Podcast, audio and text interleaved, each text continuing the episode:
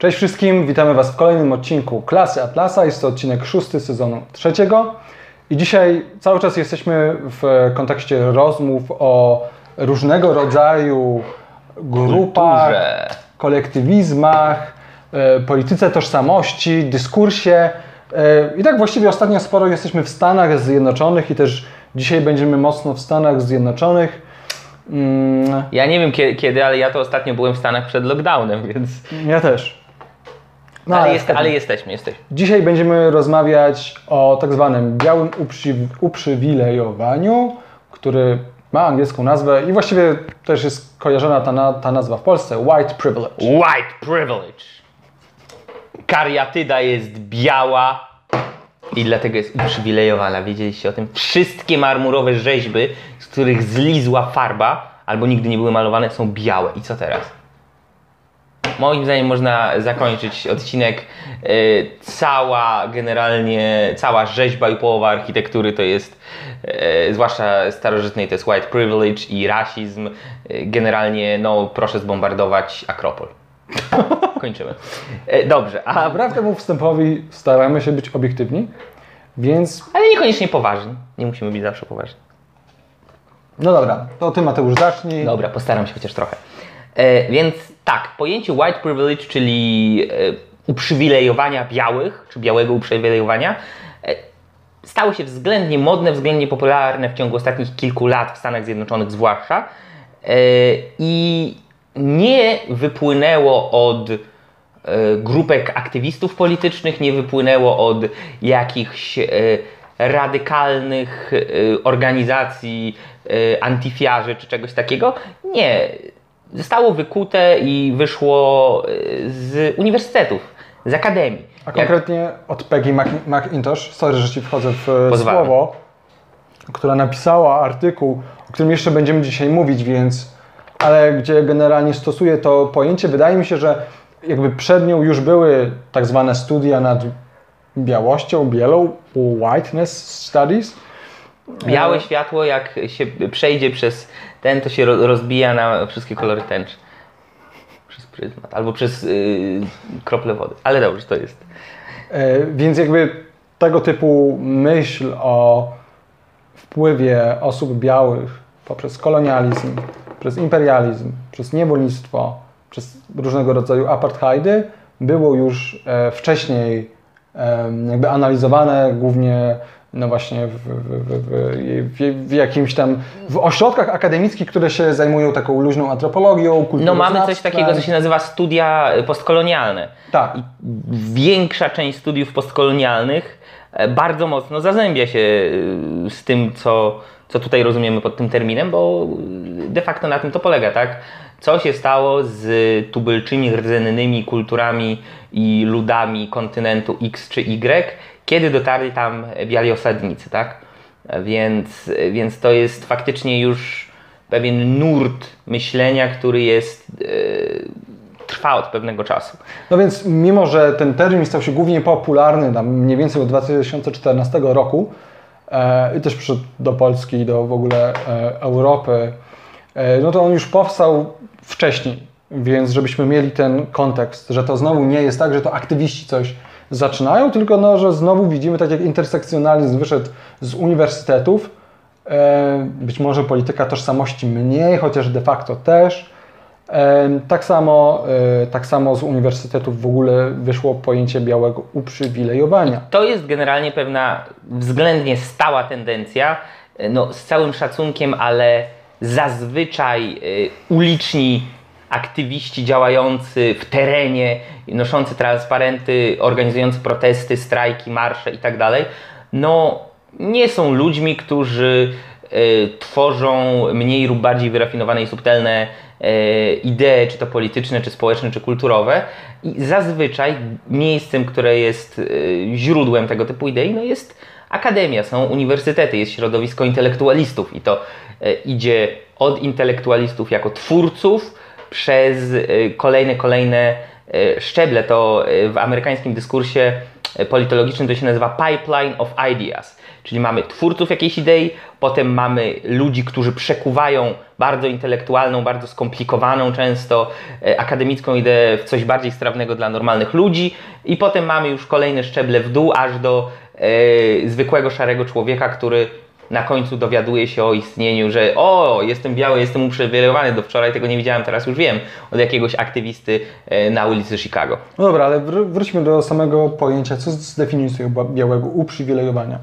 No, myślę, że co najmniej dwa y, rodzaje definicji można by tutaj y, przyjąć. E, no i pierwsze to jest względnie proste.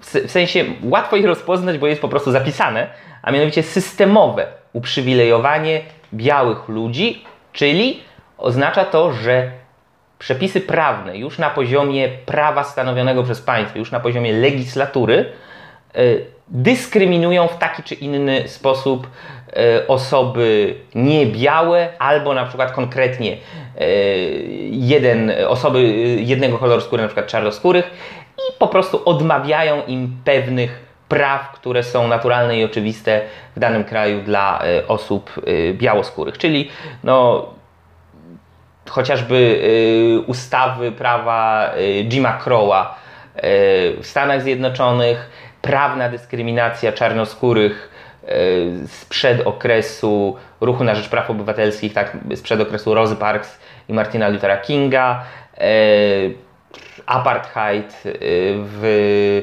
Republice Południowej Afryki itd., itd., itd. To jest jakby jedna kategoria, którą no, o tyle łatwo zobaczyć, że po prostu wprost patrzymy na przepisy prawne, ok, mamy zapis taki, a nie inny, wiadomo co się dzieje. Natomiast mamy też społeczne yy, białe uprzywilejowa- uprzywilejowanie, już niekoniecznie dotyczące systemu prawnego, niekoniecznie dotyczące tego, yy, że państwo ustanowiło przepisy, które y, dyskryminują albo odbierają prawa y, ludziom innego koloru skóry niż biały, ale mamy też społeczne uprzywilejowanie, które jest dużo bardziej mgliste, jeśli chodzi o jego rozpoznanie. Co to by było to społeczne uprzywilejowanie ziemowite? No to tak naprawdę jest to bardzo problematyczne i, i, i myślę, że właśnie krytyka... w ogóle- Dlatego ja wziąłem tę, łatwiej, tę łatwiejszą część. Myślę, że też krytyka tego pojęcia jakby wiąże się z faktem, że bardzo trudno jest wskazać na, na to białe uprzywilejowanie z tego powodu, że białe uprzywilejowanie w tym sensie społecznym, i już teraz będziemy mówili tylko w tym e, sensie, polega na tym, że osoby o białym kolorze skóry posiadają pewną, pewien niewidoczny bagaż em, przywilejów. On jest niewidoczny, ponieważ on jest na poziomie prawnym, on jest bardziej na poziomie funkcjonowania, on jest bardziej na poziomie jakiegoś takiego codziennego życia i, no i właściwie te osoby go nie dostrzegają, bo dla nich no, to jest norma, tak? E, Jakby w tym się wychowali, e, w tym żyją i w tym podejmują decyzje. E, Więc warto tutaj nawiązać do Patrzę, który z nas jest bardziej biały, tylko ciężko powiedzieć. Żaden z nas nie jest specjalnie opalony. Peggy McIntosh, chciałem wrócić do, warto nawiązać do tego jej artykułu, e, z- to jest z końca lat e, 80. E, To właśnie ona mówi, że, że owo e, białe uprzywilejowanie jest właśnie niewidoczne i generalnie jej artykuł polega na wymienieniu kilkudziesięciu, tam w jednej wersji artykułu to jest ponad 60, w drugiej ponad 50 e, przykładów białego uprzy, uprzywilejowania z, pierwszoosobowego, z pierwszoosobowego punktu widzenia. To tak notabene e, tutaj warto e, przypomnieć sobie, w jaki sposób intersekcjonalizm patrzy na, na doświadczenie, tak? że, że patrzymy na, na to, w jaki sposób te osoby jak odczuwają i co dostrzegają, zamiast na przykład oprzeć się na statystykach. Mała dygresja, ale sądzę, że ważna. Wczoraj oglądałem e, krótki wywiad, czy fragment wywiadu sama Harrisa z jakimś brytyjskim e, komentatorem e, politycznym i generalnie tam rozmawiali właśnie o pro, problemach mm, rasizmu w Stanach Zjednoczonych. No i tam sam, sam Harris jest generalnie e, przeciwnikiem twierdzenia, że istnieje systemowy e, rasizm że wiele tak naprawdę z tych statystyk wskazuje, że to o czym ci ludzie mówią, że tam na przykład większość e, osób, które są zabijane, e, większość nie, nieuzbrojonych osób, które są zabijane przez, przez policjantów, to są, to są czarne, co zgodnie ze, ze statystykami jest nieprawdziwe i ze statystyk wynika, że większe jest prawdopodobieństwo, że zostanie się zastrzelonym, jak jest się białym niż czarnym. I tak dalej. I w pewnej chwili ten facet, ten y, Brytyjczyk, ja nie pamiętam teraz jak on się nazywa, powiedział: Spójrzmy prawdzie w oczy. Ty i ja jesteśmy białymi ludźmi, białymi mężczyznami ze średniej e, klasy. W jaki sposób my możemy wypowiadać się na temat doświadczeń tych ludzi, na temat tego, w jaki sposób oni są ciemiężeni. Więc tutaj, więc to też bardzo dobrze widać e, też Y, i w intersekcjonalizmie, że jest ta idea y, tego epistemicznego dostępu. Tak. I... Nie ma jednej powszechnie dostępnej dla każdego tak. obiektywnej prawdy, są tylko różne punkty widzenia, doświadczenia i odczuwane emocje. Tak, więc ta, więc ta Peggy McIntosh tak samo, zamiast oprzeć się na jakichś statystykach, na jakichś badaniach, wymieniła kilkadziesiąt punktów.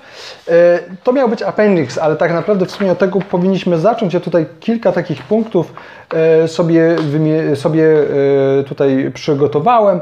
Na przykład jednym z punktów jest to, że, e, że mogę włączyć telewizję, mówi Macintosh, lub otworzyć lub wziąć gazetę i to, co zobaczę, to, to przede wszystkim ludzi mojej rasy. Tak? To, to ma być jej zdaniem przywilej. Przy, przywilej. Innym, innym przywilejem jest to, że gdy ktoś jej opowiada o, o ich o naszej cywilizacji, o naszym narodowym dziedzictwie, to pokazuje e, ludzi, którzy mają jej kolor skóry, którzy się przyczynili, tak? czyli w tym wypadku ojców założycieli. E, nawet jest jeden punkt, który mówi, że może iść do sklepu muzycznego i właściwie znaleźć muzykę, która głównie reprezentuje jej rasę.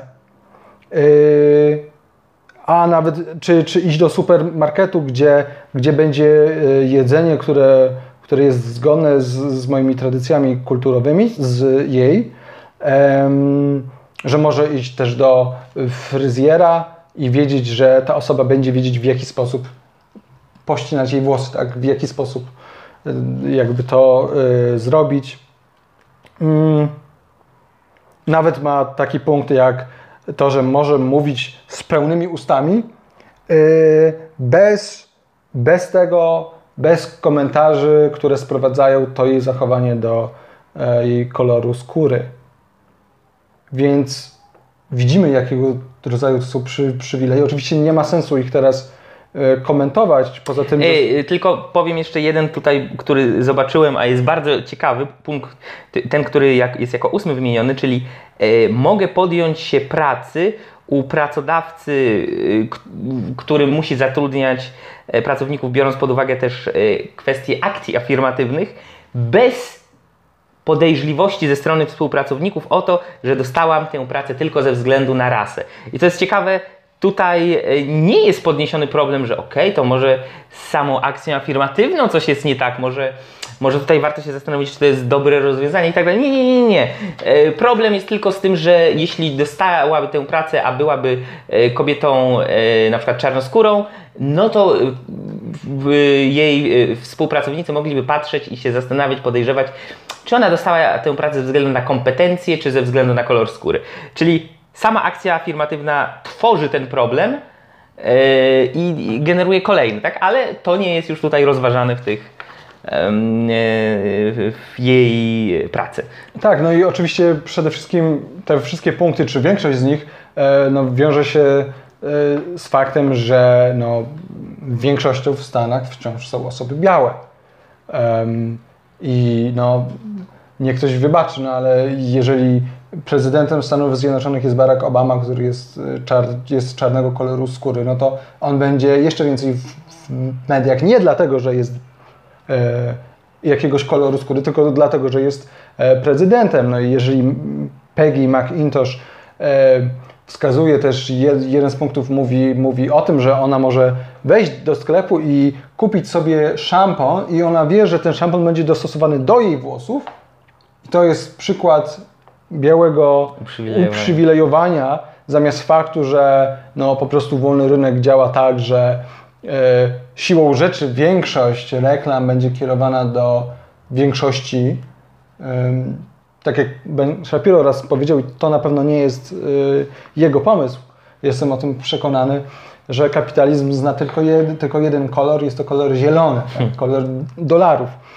E, to jest bardzo ładne. E, w każdym razie, więc tak, więc tak naprawdę wychodzimy od artykułu, który jest absolutnie nienaukowy. Znaczy to powiedzmy sobie wprost. Tam swoją drogą jednym z punktów, e, które ona wymienia jako białe uprzywilejowanie jest punkt, że mam większą szansę opublikować ten artykuł będąc białą. To jest w ogóle Swoją drogą, y, przy, fakt, że publikuje ten artykuł, y, no w jaki sposób ona może się wypowiadać jako biała kobieta na temat nieuprzywilejowania czarnoskórych kobiet na przykład, tak? No jakby to jest ten problem, że gdyby iść w to bardzo serio, to nikt nie może powiedzieć y, nic o niczym oprócz swojego własnego doświadczenia. To znaczy, no nie. Więc- W intersekcjonalizmie jest ta idea, że osoby, które są uciskane, mogą tobie wskazać. Y, ale ona tu nie jest uciskana. Ale ona nie jest No uciskana. właśnie, ona no, jest Okej, ale. uprzywilejowaną, tak? Okej, więc to białe uprzywilejowanie to jest tak naprawdę masa niewidocznych rzeczy, która nie ma żadnego oparcia w, w, właściwie w niczym. E, i moim zdaniem, tak jak intersekcjonalizm można jakoś rozważać mniej lub bardziej na poważnie, tak ta idea wydaje mi się zwykłym absurdem. To znaczy zmusza się ludzi do, e, to się mówi o e, sprawdzaniu swoich, swojego uprzywilejowania, tak? check your privilege. E, czyli, czyli, że właśnie mamy się zastanawiać nad tym, w jaki sposób nasz kolor skóry e, sprawia, że my jesteśmy uprzywilejowani, tak? bo otwieramy gazetę i tam widzimy większość białych osób. No, tylko że, no nie wiem, gdybym był e, białym, e, białym człowiekiem, białym mężczyzną e, i żył na przykład e, w Chinach, to niespecjalnie by mnie zaskakiwało, że otwieram gazetę i widzę Chińczyków, że włączam radio i słyszę mandaryński, czy jakiś inny dialekt chiński e, i tak dalej, i tak dalej, i tak dalej, tak? Więc jakby z samego faktu, że żyje się otoczonym przez takich, a nie innych ludzi, jakby okej, tylko co miałoby z tego dalej wynikać, tak?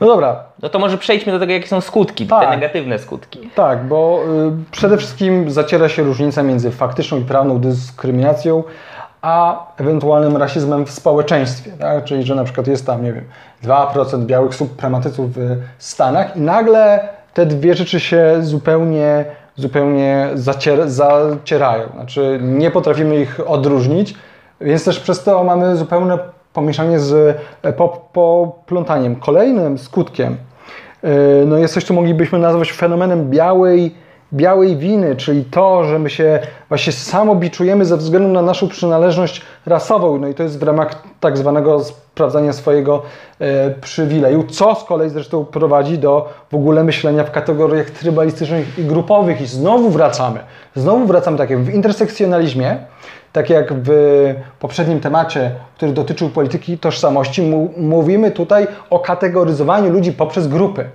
Nie ze względu na, na ich tożsamość jednostkową, na ich charakter, na ich cechy, zalety, wady, tylko ze względu na to, jacy się urodzili. I to najniższy poziom y, jakby grupowy, bo to jest coś, co jest absolutnie niezależne od y, Absolutnie. człowieka. Człowiek może zmienić, na przykład jeśli y, nie mówi po angielsku i jest z tego powodu dyskryminowany, może się nauczyć, może zmienić swoją religię, może zmienić wiele elementów kultury, no ale z całym szacunkiem koloru skóry nie, chyba że choruje na ciężką chorobę jak Michael Jackson, i, ale no to jest raczej przykład przykry, a nie No, a propos swoją drogą skutków to i wpływu, to ten artykuł Peggy McIntosh jest czytany w e, publicznych szkołach niektórych w Stanach. Jakby czytają listy zupełnie absurdalnych punktów. No ale dobra, dalej. A potem białe dzieci dostają bicz w ręce i mówią zdejmijcie koszulki. To. No w pewnym sensie tak, bo się.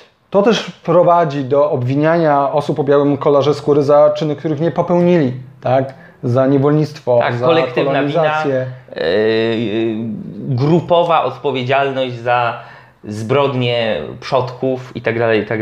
No i też dążenie do prawnej dyskryminacji osób białych. I tutaj myślę, że akcja Tak. afirmatywna, która jest zła i dla osób białych, i dla osób czarnych, bo nagle im się mówi, że nie muszą się bardziej starać i Tak. No i to jest y, kwestia, to jest akcja afirmatywna, jest generalnie rzecz biorąc rasistowska, nie tylko dlatego, że dyskryminuje prawnie y, osoby białe, ale też dlatego, że upupia i traktuje jak jakieś trochę upośledzone dzieci, które wymagają y, surowego taty państwo albo y, dobrej niani rządu, która im będzie pomagać, bo inaczej to sobie nie poradzą, bo są no, niezdarne i, i tak dalej, tak? Więc jakby z punktu widzenia osób czarnoskórych jest to dosyć uwłaczające, jest to dosyć upokarzające, e, o czym między innymi taki e, czarnoskóry ekonomista Thomas Sowell dość często pisał. I na szczęście na szczęście jest trochę publicystów i tak dalej, którzy właśnie z perspektywy doświadczenia osoby czarnej, żeby nie być oskarżonym o e, właśnie o wypowiadanie się z pozycji white privilege, mówią wprost o tym, że no to jest rasistowskie, bo po prostu traktuje ich jako ludzi głupszej kategorii, mniej zaradnej. e, Niedawno wyszła książka Candace, e, Candace Owens, która jest e, czarną konserwatystką, która bardzo mocno krytykuje akcję afirmatywną Black Lives Matter i, i, i, i w ogóle całą jakby lewicę amerykańską i ich podejście do, do kwestii czarnej mniejszości. A Ej. to może warto byłoby się przyjrzeć tej książce. Coś chciałeś dodać? Tak, tylko chciałem dodać, że jest to o tyle zabawne, że w całej mowie o y, polityce tożsamościowej, o tym, że każdy ma prawo do swojej tożsamości, czarnoskórzy mają prawo do swojej y, do, do tożsamości związanej z ich etnicznością i tak dalej, e, jest to narracja w dużej mierze narzucana przez y, starszych, y, białoskórych panów y, y, Z Partii Demokratycznej. Z Partii Demokratycznej i jeśli na przykład jak, jakaś, jakiś murzyn, jakaś czarnoskóra osoba ma poglądy bardziej na, powiedzmy konserwatywne, czy wolnorynkowe, czy prawicowe, czy cokolwiek, co nie wpisuje się w ich kanon, to jest nazywana Oreo, czyli czarny, w środ- czarny na zewnątrz, biały w środku i jest to generalnie coś, tak jak w marksizmie była ym, zdrada proletariatu, tak było niezrozumienie swojej proletariackiej sytuacji, świadomości, brak, brak rozpoznania świadomości proletariackiej, to tak samo tutaj jest zdrada swojej rasy i etniczności, no bo wiadomo, że jeśli jesteś czarnoskóry, a nie jesteś demokratą, to coś musi być z tobą nie tak, to no i jesteś zdrajcą tym- rasy. No Owens jest Więc- nazywana rasistką i tak dalej, więc... No dobra. Uważamy, że pojęcie białego uprzywilejowania, ja wiem, że nie mówiliśmy dużo na temat tego, czym ono faktycznie jest, ponieważ jest to po prostu tak bzdur. Teraz powiedzmy, dlaczego jest w ogóle niepotrzebnym pojęciem, jest niepotrzebną ideą. Przede, przede wszystkim zwróćmy uwagę na to, że każdy z nas, każdy, każdy z nas może wskazać na uprzywilejowanie innych ludzi względem, względem Siebie. Względem siebie. Tak? Ja na przykład jako osoba, która ma jakąś wadę wymowy, zwłaszcza jak byłem dzieckiem, mogę wskazać na os- osoby, które tej wady wymowy nie mają. Ja mam okulary, krzywe dwa przednie zęby, yy, nie, nie mogę zapuścić kuca, choćbym chciał. No. Tak, i mogę zacząć albo osoba, która ma ponad 2 metry, może mówić o tym, że jest dyskryminowana Tak, tak, tak. i tak. mówi, "Sp- sprawdź swój przywilej, masz mniej niż 2 metry, więc mniej się musisz schylać i tak dalej. Tak. To jest dokładnie, dokładnie to samo. Naprawdę, to jest po prostu taki absurd. Yy, Kolejny problem z tym pojęciem jest to, no, że, że prowadzi do napięć rasowych. Jeżeli młodzi Amerykanie, czarni i, i o innych kolorach skórych i biali e, postrzegają siebie, znaczy jeżeli czarni postrzegają białych jako winnych, jako rasistów, tak? Pon- ponieważ jest też twierdzenie, że jeżeli ty odrzucasz twierdzenie, że, e, że jesteś Jesteś uprzywilejowany, to jesteś rasistą. Czyli to już nie ma znaczenia, czy ty uważasz inną rasę za gorszą, czyli ta tradycyjna definicja e, rasizmu. Wystarczy, że nie zgadzasz się z jakąś absurdalną, zupełnie arbitralną, nienaukową, nienaukowym, mm, nienaukową listą, Definicją, tak. listą, którą sobie wymyśliła jakaś biała, fem, biała feministka e, na, w swojej wieży z kości słoniowej. No więc konsekwencją są napięcia rasowe, tak? I, I to widać na e, Tak. kampusach, tak? Że biali się nie mogą e, wypowiadać i tak dalej, czego oczywiście no, o kontrze jeszcze będziemy tutaj e, mówić. Kol, kolejna rzecz. Zwróćmy uwagę. Załóżmy, że ktoś traktuje Ciebie lepiej, bo masz rude włosy. Albo Ja szeroką szczękę. jeśli, była, jeśli Albo niski głos, albo cokolwiek innego, co ty lubisz. Załóżmy, że żyjemy w społeczeństwie, w którym 90% osób uwielbia rude włosy. Yy, więc i automatycznie trochę gorzej się patrzy na osoby, które mają. No, automatycznie osoba w takim Które społeczeństwie, która nie ma włosów albo nie jest ruda, jest traktowana jako mniej atrakcyjna. Yy, to czy z tego wynika, że to jest Twoja wina? Innymi słowy, jeżeli na przykład jest białe społeczeństwo, które jest trochę rasistowskie i faktycznie jest Ci gdzieś tam łatwiej, to czy z tego wynika, że to jest Twoja wina? W jaki sposób ja mogę odpowiedzieć za to, co robią inni i w jaki sposób patrzą się na świat e, inni? Więc to, więc to jest kolejny, kolejny e, problem. Ym, No i, no tak, i wszystko się... pa- No jakby wracamy do trybalizmu, z- wracamy do wojny plemion. do, do trybalizmu, do determinizmu, tak, że to, kim ja jestem, jest zdeterminowane przez melaninę w mojej skórze, przez jakieś moje rysy. Już niedługo może Amerykanie, lewicowcy wpadną na pomysł, żeby, nie wiem, uprzymierzyć. To zupełnie wrócimy do, będzie aryjska fizyka, będzie czarna, e, fizyka tak jak jest czarna gramatyka. Tak. No, jakby widzimy, że te skrajnie lewicowe wymysły z amerykańskich uniwersytetów prowadzą do naprawdę absurdalnych rzeczy. Ja, ja, to, ja, to mówię, ja to mówię ostrzej niż w innych odcinkach, ponieważ Właśnie zauważyłem, no, no, no. ponieważ mówię, o ile intersekcjonalizm i politykę tożsamości jakoś można ująć w jakiś schemat, o tyle pojęcie białego uprzywilejowania, które nie jest oparte na, na, na faktycznym, systemowym, instytucjonalnym rasizmie, jest absurdem. Jest absurdem. E, i to właściwie wszystko. Słuchajcie, y, jeżeli chcecie, jeżeli nam nie wierzycie, wpiszcie sobie Peggy McIntosh. Peggy, nie Piggy, chociaż wygląda jak Piggy, przepraszam. Nie powinienem był, ale tak mi się kojarzy. Serio, ona ma taki nosek. przepraszam. E, Naprawdę odczuwam wyjątkową niechęć do tej kobiety. E, Wpiszcie sobie Białej Peggy kobiety. McIntosh White Privilege PDF i Wam wyskoczy któraś wersja z jej, z jej artykułu. Przeczytajcie sobie te punkty. To ma 7, to ma, to ma, to ma 7 stron. To jest tekst naukowy, który faktycznie treści ma tyle, a reszta są po prostu punkty. I te punkty tak rozszerzają się na jakieś tam 6 stron i to jest ich kilkadziesiąt. Sprawdźcie sami, zastan- zastanówcie się nad tym. Zamiast check your privilege, to check your premises i zastanówcie się, y, czy naprawdę warto dawać się nabierać tego typu szarlatanerii. E, I Na koniec, z faktu, że nie zgadzamy się z tą narracją, że istnieje coś takiego jak białe uprzywilejowanie, nie twierdzimy, że nie istnieje rasizm biały względem czarnych. Są takie osoby. Są w Polsce, myślę, że cała masa. Są w Stanach, chociaż myślę, że w mniejszości i to dużej, e, bo to jednak jest pierwsze takie multirasowe społeczeństwo, które generalnie się dogaduje i funkcjonuje. E, więc naprawdę trzeba odróżnić absurdalne twierdzenia i, wy, i wymagania szarlatanów em, od e, prawdziwych problemów, od prawdziwych problemów. No, nie, nie trzymajcie e, własnej winy, która jest niezasłużona. Trzymajcie się mocno. Do usłyszenia następnym razem. Widzimy się za tydzień. Cześć. Hej!